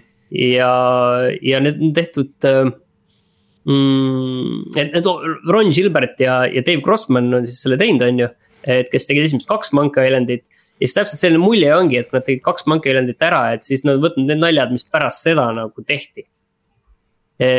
mis pärast seda on tehtud, et seal on lihtsalt noh, Comic Sansi naljad näiteks mm. -hmm. et lihtsalt mingid tuua, et noh, et miks sa peaks aastal noh, kaks tuhat kakskümmend kaks, et päris neid tegema, kui sul ei ole tegelikult isegi midagi nagu uut sinna lisada, et seal nagu mm -hmm. mingid asjad on, mis nagu lihtsalt tunduvad, et noh, miks see on nii tehtud. ja siis teine asi on nende autorite puhul ka, et seal on, seal mängus on vist Äh, üle saja viiekümne sellise le leitava viktoriinikaardi mm. -hmm. mis äh, tundub, et suht random'iga erinevatesse kohtadesse spoonivad ja mingeid saad nagu mitu korda üles äh, korjata ja seal on siis nagu neli küsimu- või noh, küsimus, meil on neli vastuse varianti. Ja siis sa võtad sealt ühe vastuse ja kui on õige, siis sulle jääb see kaart nagu alles ja siis on no, väga palju kaarte on, kaks varianti on seal, et seal on ka noh normaalseid küsimusi ja siis on üks, mõni küsimus on see, et et mitu vakla oli seal äh, Scummi baari äh, köögis äh, tünni peal. Ja siis sa võid pakkuda, et kas see oli kuus, seitse, kaheksa või üheksa, et see noh, küsimus on sisuliselt random, on ju, kui sa nüüd ei käinud seda üle lugemas seal. või noh, üks variant on, et sa võid siis minna seda üle lugema, on ju. ja, ja teine küsimus, küsimus on siis see, et, et mis oli üheksakümne teisel, ei üheksakümne esimesel aastal, kui Monkey Island kaks välja tuli, Monkey Islandi väljaandmise hetkel. mis värvi kampsun oli Ron Silvertil seljas, on ju. et noh, sellist tüüpi asjad, mis tegelikult nagu endas nagu eriti nagu mingit mõistlikku informatsiooni või sellist. Vau, et ma panin selle õigesti, ma teadsin mm -hmm. seda, et äh, ei, ei teki seda tunnet, et noh, see lihtsalt nagu tekitavad sellise kuidagi sellise veidra tunde, et seal on mingi veider eneseimetlus on seal ka sees, teistpidi saad aru, et okei okay,, ega nendel äh, härradel mõnes mõttes on ka põhjust ennast imetleda. et, et see on nagu, nagu nii ja naa mingid asjad seal. aga kui me võtame nagu selle seikluse enda algusest nii kaugele, kui ma olen jõudnud. Äh, siis tegelikult see on nagu äge tegelikult ta nagu töötab okay. hästi, seal on nagu äh, ja, ja mõistatused on pigem ka nagu head. Ja noh, nagu heas hiirekliki seikluses on, siis äh, mõistatused on näiliselt keerulised. aga see võtmekoht on ikkagi see, et äh, suhelda, äh, kommunikeerida ja kui sa tegelikult sisuliselt äh, kõikide tegelastega ikkagi need äh, dialoogi valikud läbi mängid ka mingid eh, sellised, mis esmapilgul tunduvad veidrad. siis sa tegelikult, kui mõttega oled juures, sa, sa saad enamikest asjadest tegelikult aru, et kuhu poole. või mis sa peaksid nüüd tegema või millised kaks erinevat asja sa peaksid kokku sobitama. et tegelikult mulle meeldib see, et, et kui sa süvened sellesse mängu. kui sa tõesti kuulad ja, ja oled seal nagu sees, siis see ei ole raske. et seal on küll kaasas ka täiesti see Eh, vihjeraamat mida ma paar korda olen ka natuke vaadanud, aga see vihjeraamat on niiviisi, et noh, ta lihtsalt natukene aitab sind nagu müksata õiges suunas, et ta ei ütle, et oo oh,, tee seda ja pane see kokku. vaid lihtsalt see, et, et noh, kas sa oled mõelnud selle peale, et, et kuskil seal mainiti midagi sellist või et noh, mingi väike vihje sinna. ja tegelikult enne, kui öeldakse õige lahendus, mis nüüd nagu täpselt niiviisi puust ja punaseks, siis öeldakse sulle mingi viis kuni seitse vihjet, mis algavad nagu väga häguselt.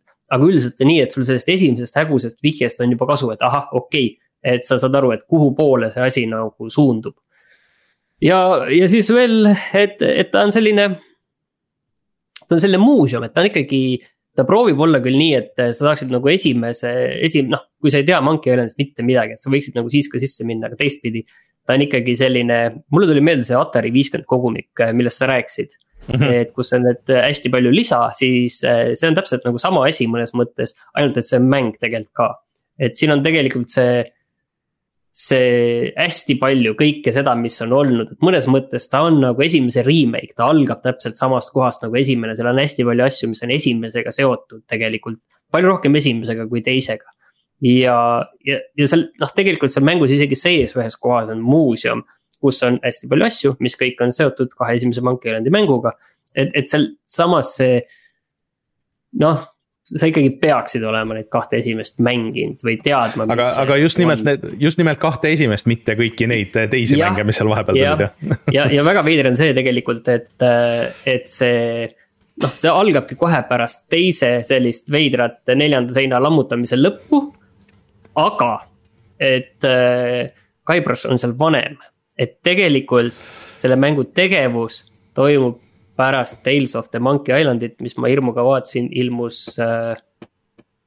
kurat, äkki nüüd eksin, oli neliteist aastat tagasi, ei, üksteist aastat tagasi, ühesõnaga jumala palju aega tagasi juba, et tegelikult see toimub pärast seda ja Tales of the Monkey Islandi kallal natukene mingi produtsendina või kuskil olid ka Ron Silbert ja Dave Grossman nagu seotud. et, et seal on mingi hästi veider asi sellega on igal juhul, et kuhu see täpselt selles maailmas nagu asetseb ja kuidas ja miks. aga kokkuvõttes eh, on tegelikult soovitus on väga lihtne, on ju, et kui, kui see Monkey Islandi teema läheb korda, siis jah aga ma räägin siia kohe ühe teise asja ära, et oma viimase asja või sisuliselt ja siis laseme Reinul pikalt rääkida.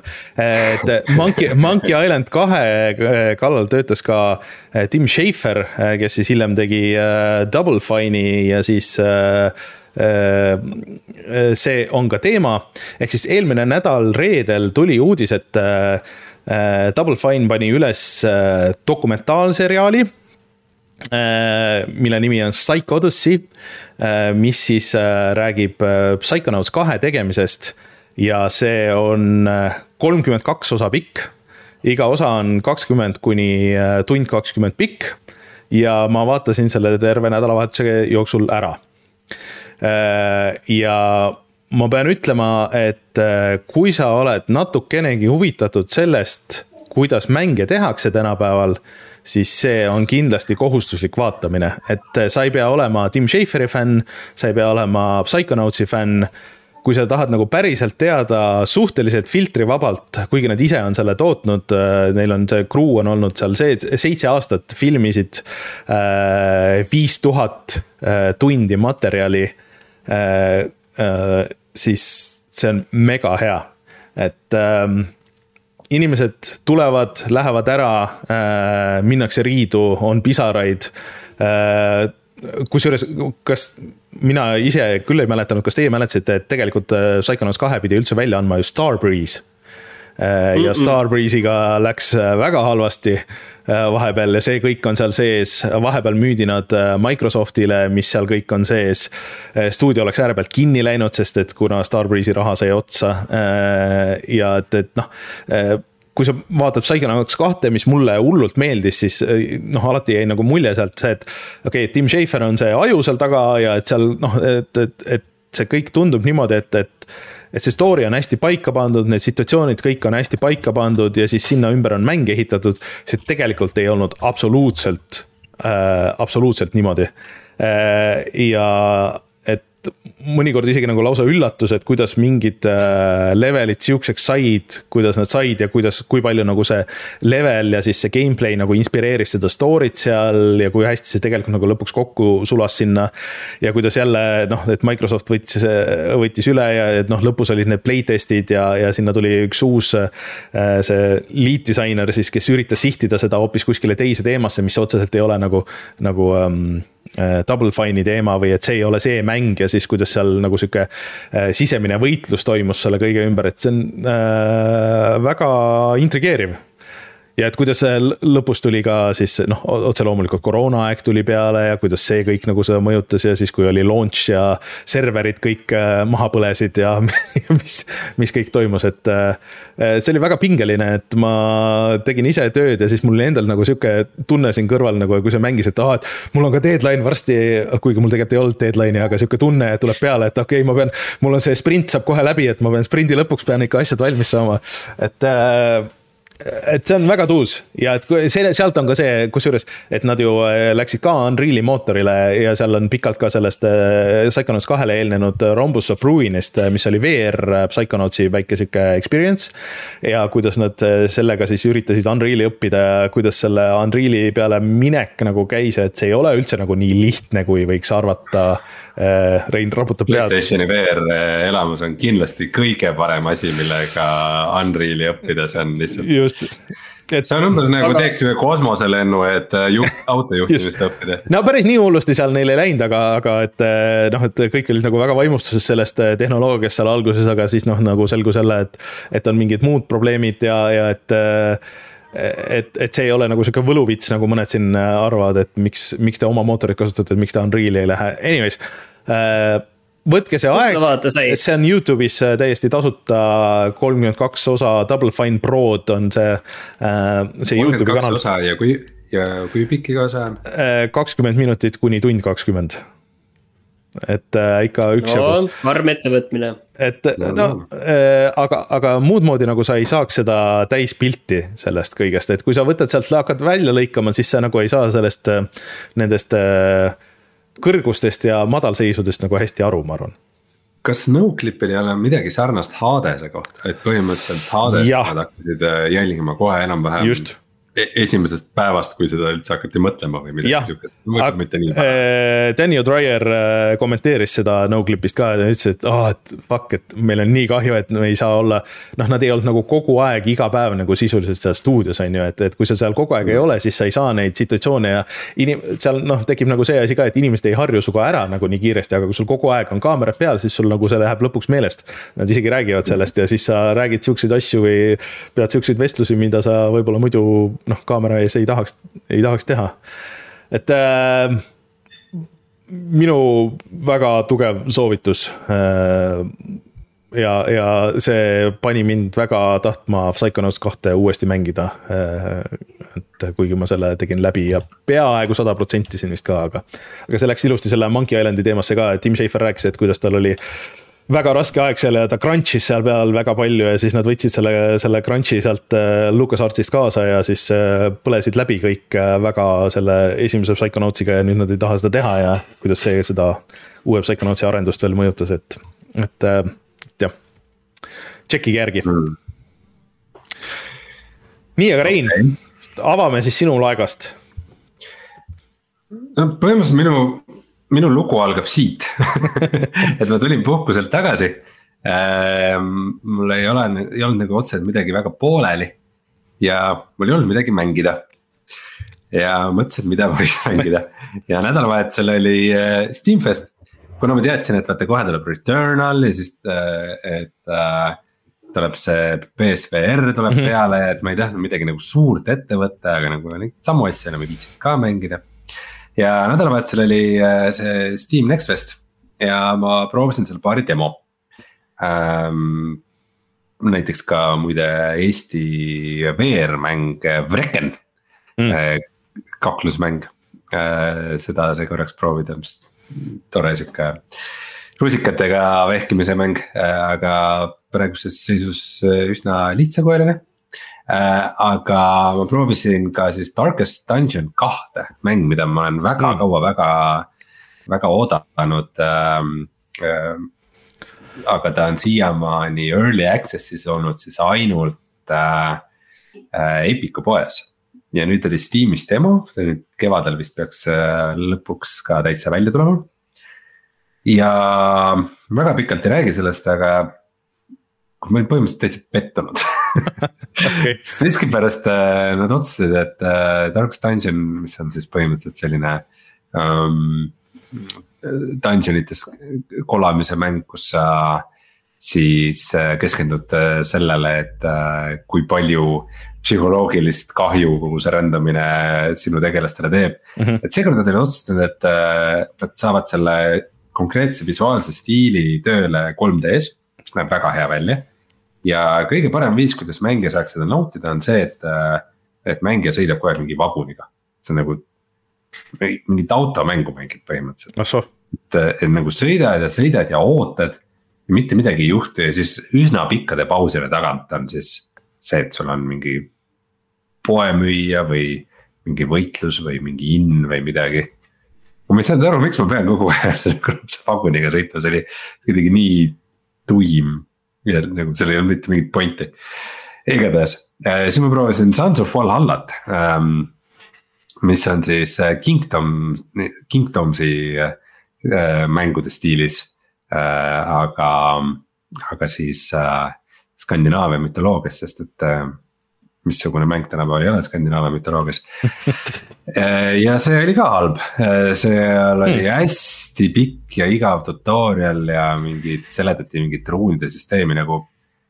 lihtsalt kõikidele mänguarendajatele, et kui sa teed demo, siis see ei pea olema tutorial nagu kui sa, kui mäng, sa lased mängijatel proovida mängu selleks, et nad kaks tundi saavad õppida mingit igavat tutorial'it ja siis, aa nüüd on demo läbi, tšau mitte keegi ei taha niimoodi, et see oleks. aga see tuletas mulle meelde, et ma millalgi mängisin äh, mängu siis äh, Kingdom. ja see meeldis mulle ja et sellel on Steamis teisi osasid. ühe neist ma olin hiljuti mingi väikse raha eest soetanud. ja siis ma mängisin mängu Kingdom Two Crowns äh,. mida ma olen nüüd siis mänginud peaaegu kolmteist tundi okay. um, põhimõtteliselt, mis on Kingdomi mängud, mina kutsun seda vasakule-paremale mängud. et äh, sa, sa oled kuningas äh, hobuse seljas ja siis äh, sa saad liikuda kas vasakule või paremale äh,, kaardi keskel on siis sinu linn. ja enam-vähem ainus, mis sa saad teha, on siis see, et sa lähed kas vasakule või paremale ja siis äh, mõnest kohast sa saad raha kogud münte. Äh, need on siis sinu kukrus ja siis äh, mm, mõnes kohas sa saad kulutada raha. et siis äh, alla noolega, põhimõtteliselt nagu mängid seda mängu kolme noolega, et vasakule-paremale ja siis mm -hmm. alla nool on see, et sa annad millelegi raha. ja ehk siis nagu nii minimalistlik nagu gameplay kui olla võib, mida ma olen kuidagi just seoses selle äh, eelmise aasta Vampire Survivors'iga olen nagu kuidagi hakanud hindama seda, kui mängi, mäng suudab olla nagu mega minimalistlik, aga seal samas nagu. Teha huvitava gameplay ja rääkida huvitavat lugu um, ja ma ei pidanud pettuma et Kingdom Two Crowns'is sest su struktuur on nagu väga veider äh,. võrreldes selle Kingdom New Lands'iga, mida ma varem palju mängisin, et see on see, et sul on nagu mingid asjad juures. aga see on see, et äh, sa mingi hetk teed laeva ja siis sa lähed järgmisele kaardile. aga mu alguses arvasin, et see on lihtsalt nagu sihuke nagu leveli progressioon, et nagu mm -hmm. ikka noh, et. Nagu, et proovid ühes levelis vastu pidada, niikaua kuni sa saad selle laeva ja siis lähed järgmisele saarele aga mis tuli välja, on see, et sa saad neid saari nagu juurde ja sa saad nende vahel nagu vabalt käia. sul on nagu vaja eri ressursse, nii et sa põhimõtteliselt ehitad nagu mingit linna, siis sul on vaja mingit järgmist asja, siis sa lähed äh, teisele saarele, siis sa tuled tagasi Äh, sa saad surma, siis sa hakkad nagu mingid aastad hiljem, sa mingil sealt esimeselt saarelt. Et mingid asjad on alles, aga sa pead need taas üles ehitama ja ähm,. mis nagu huvitavad asjad juhtusid, on ka see, et kui, kui nagu kõik läheb totaalselt pekki, nagu kollid ründavad ja nagu terve linn laamendatakse maatasa. kui sul on nagu laev olemas ja sa pääsed selleni ja sul on piisavalt raha sa võid selle laevaga jalga lasta sealt oh. mis on ka nagu päris, päris vahva, et siis mingi, et noh, sa lähed teise, teisele saarele, ehitad sellest üles. Siis tuled tagasi, proovid nagu, et äh, seda eelmist asja nagu üles ehitada, et. et äh, kõik on nagu naljakalt omavahel seotud. ja seal on kokku viis saart, ma olen siis äh, kolmel saarel suutnud nüüd äh, nagu ühe eluga olen suutnud siis kolme saare nii-öelda nagu sellest, selle põhiportaali kinni panna et mhm. siis nagu ära secure ida need äh,. aga, aga see struktuur on väga sürr ja seal pidevalt on see, et äh, mõtled, et kurat, see mingi üks asi võiks olla teistmoodi. ja siis avastad, et mingi üks mehaanika on mingi tüüp, kellega sa leiad või midagi, mis teebki seda asja kuidagi teistmoodi ja mm,. see on, see on sürr mäng, ma ei ole kindel algusest lõpuni, kas see on hea mäng, aga aga ta suudab mulle kuidagi väga, väga naha vahele pugeda ja ta nagu seletab ka üsna vähe ja seda kõike hoolimata sellest, et ma oli selle mänguga üks kõige kehvem nagu esmamulje, mis üldse olla saab, et äh,. põhimõtteliselt ma panin mängu käima. Ja kuna sellest eksisteerib ka mobiiliversioon, siis äh, see on sihuke bugi sees või siis nagu mishap. et sa paned mängu esimest korda käima ja siis äh, mäng näitab sulle nagu selle swipe'i koodi Swipe'i siin, sinna. no miks sa ei swipe inud mööda ekraani siis äh...? ja siis oli küll sihuke, ma panen selle kohe kinni, miks ma peaks Steamis mingit mobiilimängu mängima, oma lauaarvuti taga, ma kuradi neli tuhat kaheksakümmend kaardiga ma mängin mingit kuradi mobiilimängu. samas pean ütlema, et äh, mulle, kuigi ma piksli arti väga suur fänn ei ole, et siis see visull mulle tegelikult meeldib, et see mis sul on ees on vesi, mis nagu liigub ja taga on siukse mõnusa parallaksiga nagu eri tasandid ja. vahel, kui nagu päike välja tuleb, sa näed kuskil hästi kaugel on mingisugune hiigelkuju ja nagu see. sihuke visuaalne story telling on kohati seal väga paigas ja väga mm.. ja kuigi jällegi. stiil on tõesti ilus. peaks olema äh, just selle Two Crowns'i point on see, et see on co-op'i mäng, et seda saab nagu sõbraga mängida, ma ei ole seda co-op'is mänginud siis ma panin äh, tööle Command and Conquer Remastered'i äh, et siis teatavasti EA, kas eelmine või üle-eelmine aasta lasi siis välja väga hästi tehtud yeah. tehtud äh, remaster'i, kus on siis esimene Command and Conquer ja esimene Red Alert. ja mängisin siis esimest Command and Conquer'it, mäng, millega mul vist ei ole mingit nostalgiat. ja peab ütlema, et see oli päris lahe et nagu äh, kui, kui ilma igasuguste nostalgiata sa selle nagu võtad, et on mingi strateegiamäng, mis on nagu mingi üheksakümmend üks aastal tehtud või midagi sellist. ei ole äh, ikkagi üheksakümmend viis võib-olla isegi tegelikult oli suhteliselt äh, julgeksin öelda. küll ei ole, päriselt no,. julgeksin öelda üheksakümmend viis, äh, võib-olla isegi üheksakümmend kuus siis olid juba Age of Empires ja sellised asjad, et äh, see tundub küll kuidagi, et see nägi ikka palju rahvim välja. no ma guugeldan kohe äh,, aga räägi. jah, sa guugelda taustaks ja võib-olla ma olen jutuks tulnud, aga kas teie teadsite nagu peast, et see esim-, esimene missioon kampaanias toimub Pärnus? Eestis jah, jah. lihtsalt Eestis, vaid Pärnus. noh, ikka see, see oli ka nii lamp, aga. üheksakümmend viis. Hm,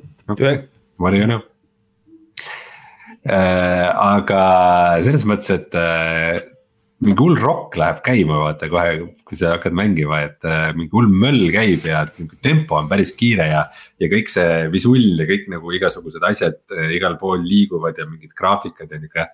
kõik on sihuke wow so awesome dude, sihuke, sihuke mõnusalt, et ta ei ole sihuke lihtne mäng, vaid ta on sihuke hästi nagu flash'i ja mm -hmm. see kõik seal. aga tegelikult see, need olid ikkagi, see olid, ka muidugi sellised, sellised mängud, et tegelikult sa võisid sinna sellisesse väga lolli patiseisu jõuda tegelikult, kus mõlema poole ressursid olid niiviisi, et okei okay,, neid tekkis juurde, aga hästi vähe. ja, ja lihtsalt ei olnud ühel poolel mingit jõudu ja ei olnud ka sul endal mingit jõudu ja siis see võiski niiviisi kesta kümme, kümme tundi selline kurnav. väga realistlik, ma saan aru. jah, tegelikult küll. Tead, mul on tunne, et see on miski, mille, ma ei tea, kui palju teistes Command and Conquer'i mängudes see oli, aga mina olen kõige rohkem mänginud Command and Conquer'is Generalsi. ja seal olid äh, need kuradi massihääletusrelvad, et sa said nagu mingeid tuumapomme ja selliseid asju saata, et et need ikkagi äh, olid selles mõttes head, et need aitasid sellist nagu äh, tuima patiseisu nagu vältida, et kui ikkagi. jah, aga mina mängisin, mina mängisin ka hiljuti täpselt sedasama, seda esimese remaster'it oligi võib-olla mõne nädala eest ja. ja ausalt öeldes mulle tuli üllatuseks, et selles samas nii-öelda need superrelvad selles esimeses Command and Conquer'is eh, olid nii nõrgad, et see. see kiir, mis alla tuli, see, see ei võtnud seda mingit ühte hoonetki põhimõtteliselt maha või mm. hästi täpselt läks, siis võttis võib-olla ühe selle Sam, Samside'i õhutõrje võttis võib-olla maha, aga, aga väga, väga nõrgad olid nad. okei okay., jah, igatahes natukene mängisin, oli lõbus ja siis ma võtsin ette Metal Helsingeri. Äh, ehk siis selle teise äh, metal rütmi shooter'i um,. ja selle esimese nimi kunagi meelde ei tule. BPM. jah, Bullets per minute ja väidetavasti see Meta Helsinger on parem kui BPM, eks. aga mm, kui BPM-il oli selline huvitav nagu rogu-like struktuur, äh, siis äh, Meta Helsinger on nagu konkreetsem selline story'ga asi ja sina, Rainer vist ütlesid, et sinu meelest seda story't on liiga palju. seal alguses nagu jah, kuidagi slow oli ja kuidagi hästi palju nagu, et ma oleks tahtnud mängida rohkem, kui, kui vaadata neid cutscene'e ja, ja neid asju. ma olen sinuga sada protsenti päri, et äh, põhimõtteliselt ma nagu oma esmamulje või paar esimest levelit, mis ma tegin, äh, võtaks sellega kokku, et äh, ta on nagu mänguna sihuke keskpärane, et, äh, et midagi mind selle juures nagu väga ei vaimustanud äh,. aga äh, ütleme, rütmimäng, selline eriti shooter rütmimäng põhimõtteliselt see, et sa pead sellesse flow'sse saama. Yeah.. et äh, sa kas oled selles flow's või sa ei ole. Ja mm, see natukene, ma arvan, tuleb ka sellega, kui lihtsalt nagu, nagu rohkem mängida ja rohkem nagu tutvuda relvade ja selle üldise üldise nagu mängitavuse ja kõige sellega, et ma, ma nagu mingit erilist flow'd nagu kätte ei saanud, kuigi noh, mängides mingit sada kakskümmend äh, kaadrit sekundis ja siis noh, pigem ikkagi mina kui algaja, äh, aga ambitsioonikas äh, trummimängija tahan ikkagi ju olla rütmis ja hoida biiti ja samas ka head shooter'it mängida, selles mõttes see mäng nagu oma olemuselt peaks mulle hullult sobima. aga, aga see, et kas, kas ta nagu lõpuks klikib või mitte, et nagu sinna faasini ma veel ei jõudnud, et ma, ilmselt, midagi veel mängida. ma ilmselt jõudsin kuskile sama kaugele kui sina, et meil on siin videokaadris on äh, see, see oli vist esimene või teine level või, äh, et, et no ühesõnaga, ma tegin nagu paar levelit ja mul oli sama, et, et äh, ma panin selle arvele, et mul kuidagi natuke nagu lag'ine oli see, ma ei saanud nagu seda paika, aga ma ei saanud nagu sellesse flow'sse hästi, et. et äh, üldiselt selle äh, Hi-Fi Rushiga mul nagu seda probleemi välja arvatud see video nagu, et tegelikult ei ole olnud, et, et kui ma ikkagi nagu mängin seda ja, ja, ja kuulan ja lähen, et siis.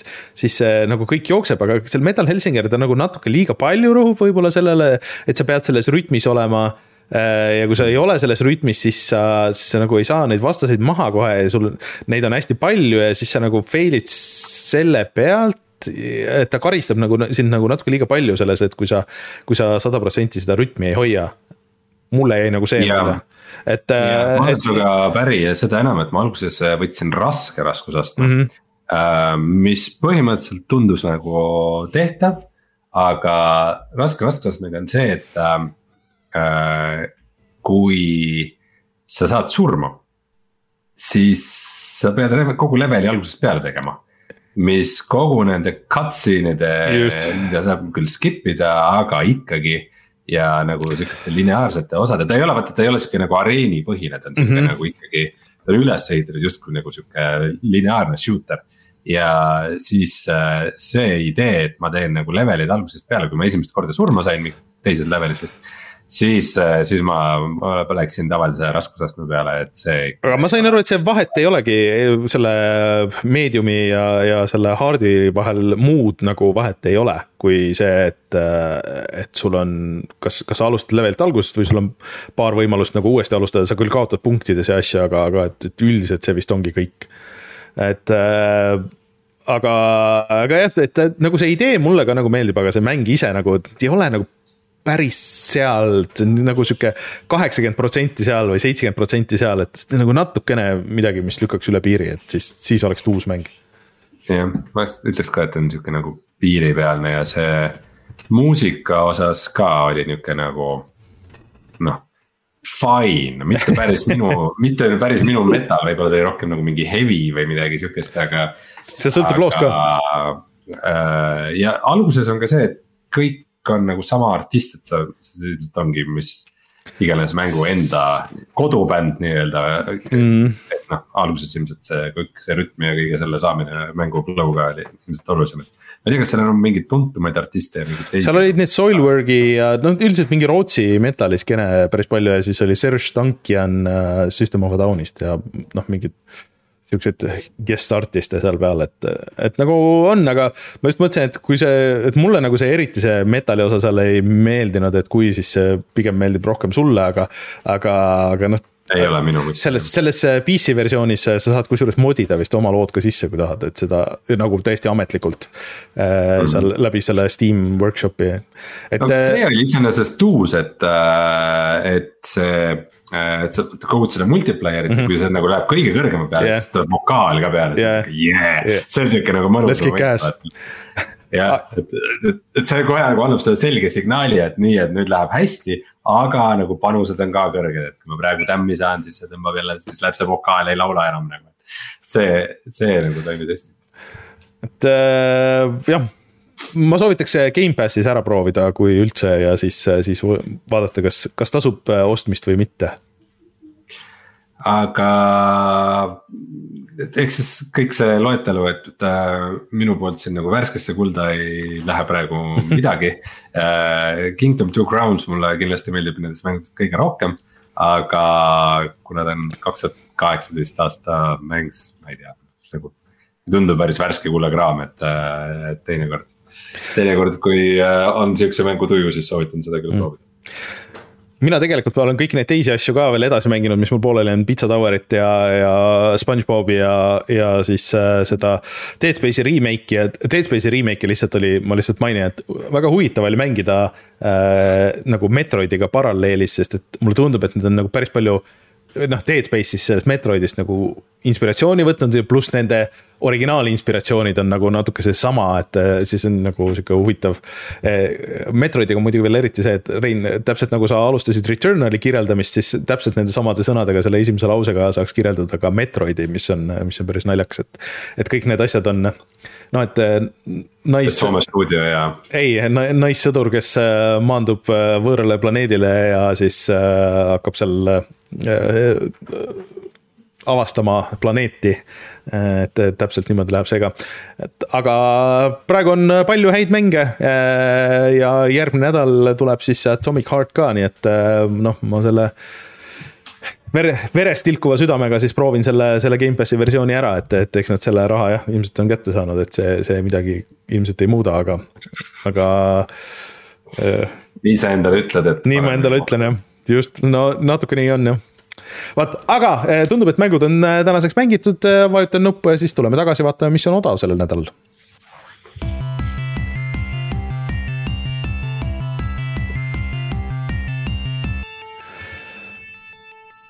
Te tegelikult ma tahtsin panna siia soovituseks selle Fanatical Games'is, et seal veel siiamaani justkui käib siiamaani Leisure Suit Larry Collection'i tasuta ärajagamine, et kõik need seitse osa pluss siis äh, see Magna Cum Laude, mis on. Äh, ei, ei, ei, kahjuks on see läbi, sest ei mina..., läbi ei ole, lihtsalt oli otsas, et koodid on ja, otsas. otsas jah, jah. et kui mina sinna jõudsin, siis oli otsas juba jah, sa andsid mulle lingi küll, siis oli olemas, aga siis ma vaatasin, et ah, ma vaatan pärast ja siis, kui ma pärast vaatasin, oli otsas. mina sain selle kätte õnneks või kahjuks, nii et meil on need mängud olemas.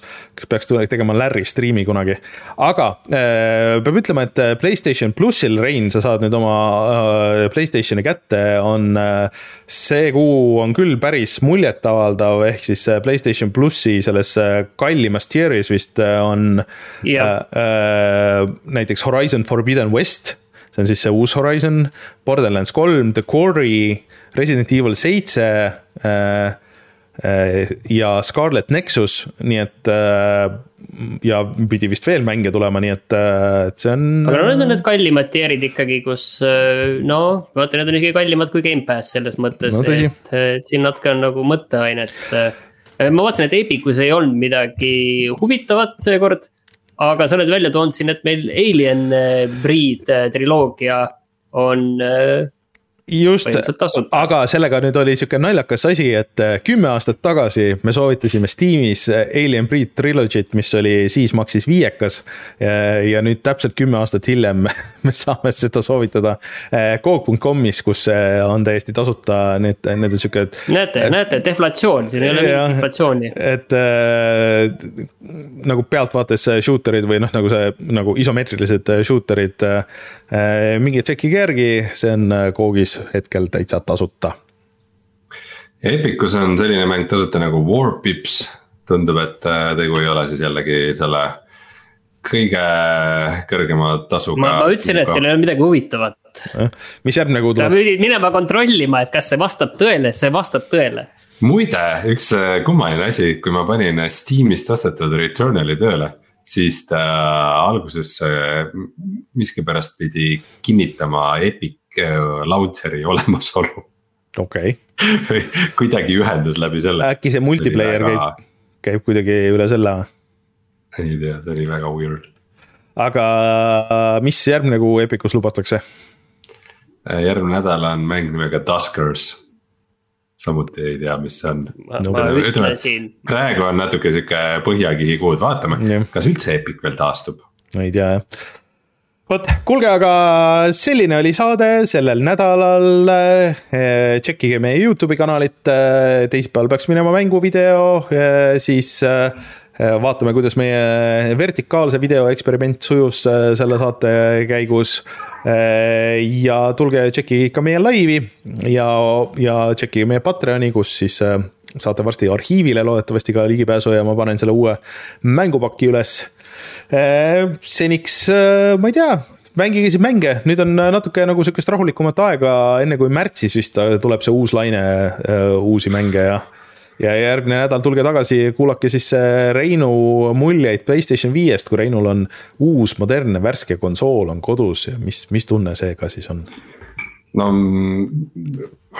pigem ta, kuulake värskeid muljeid PSVR kahest. tõsi, see, see väike asi ka. see olemas vähemalt aga kas, äh, kas äh, õigel ajal kohe niimoodi kätte jõuab meile või nagu see jah, tundub kahtlane. kusjuures äh, Eestis ju vist on selles mõttes hästi, et ma olen aru saanud, et mujal Euroopas sa pead otse Sonylt tellima selle Playstation VR kahe, et sa ei saagi vist seda poes.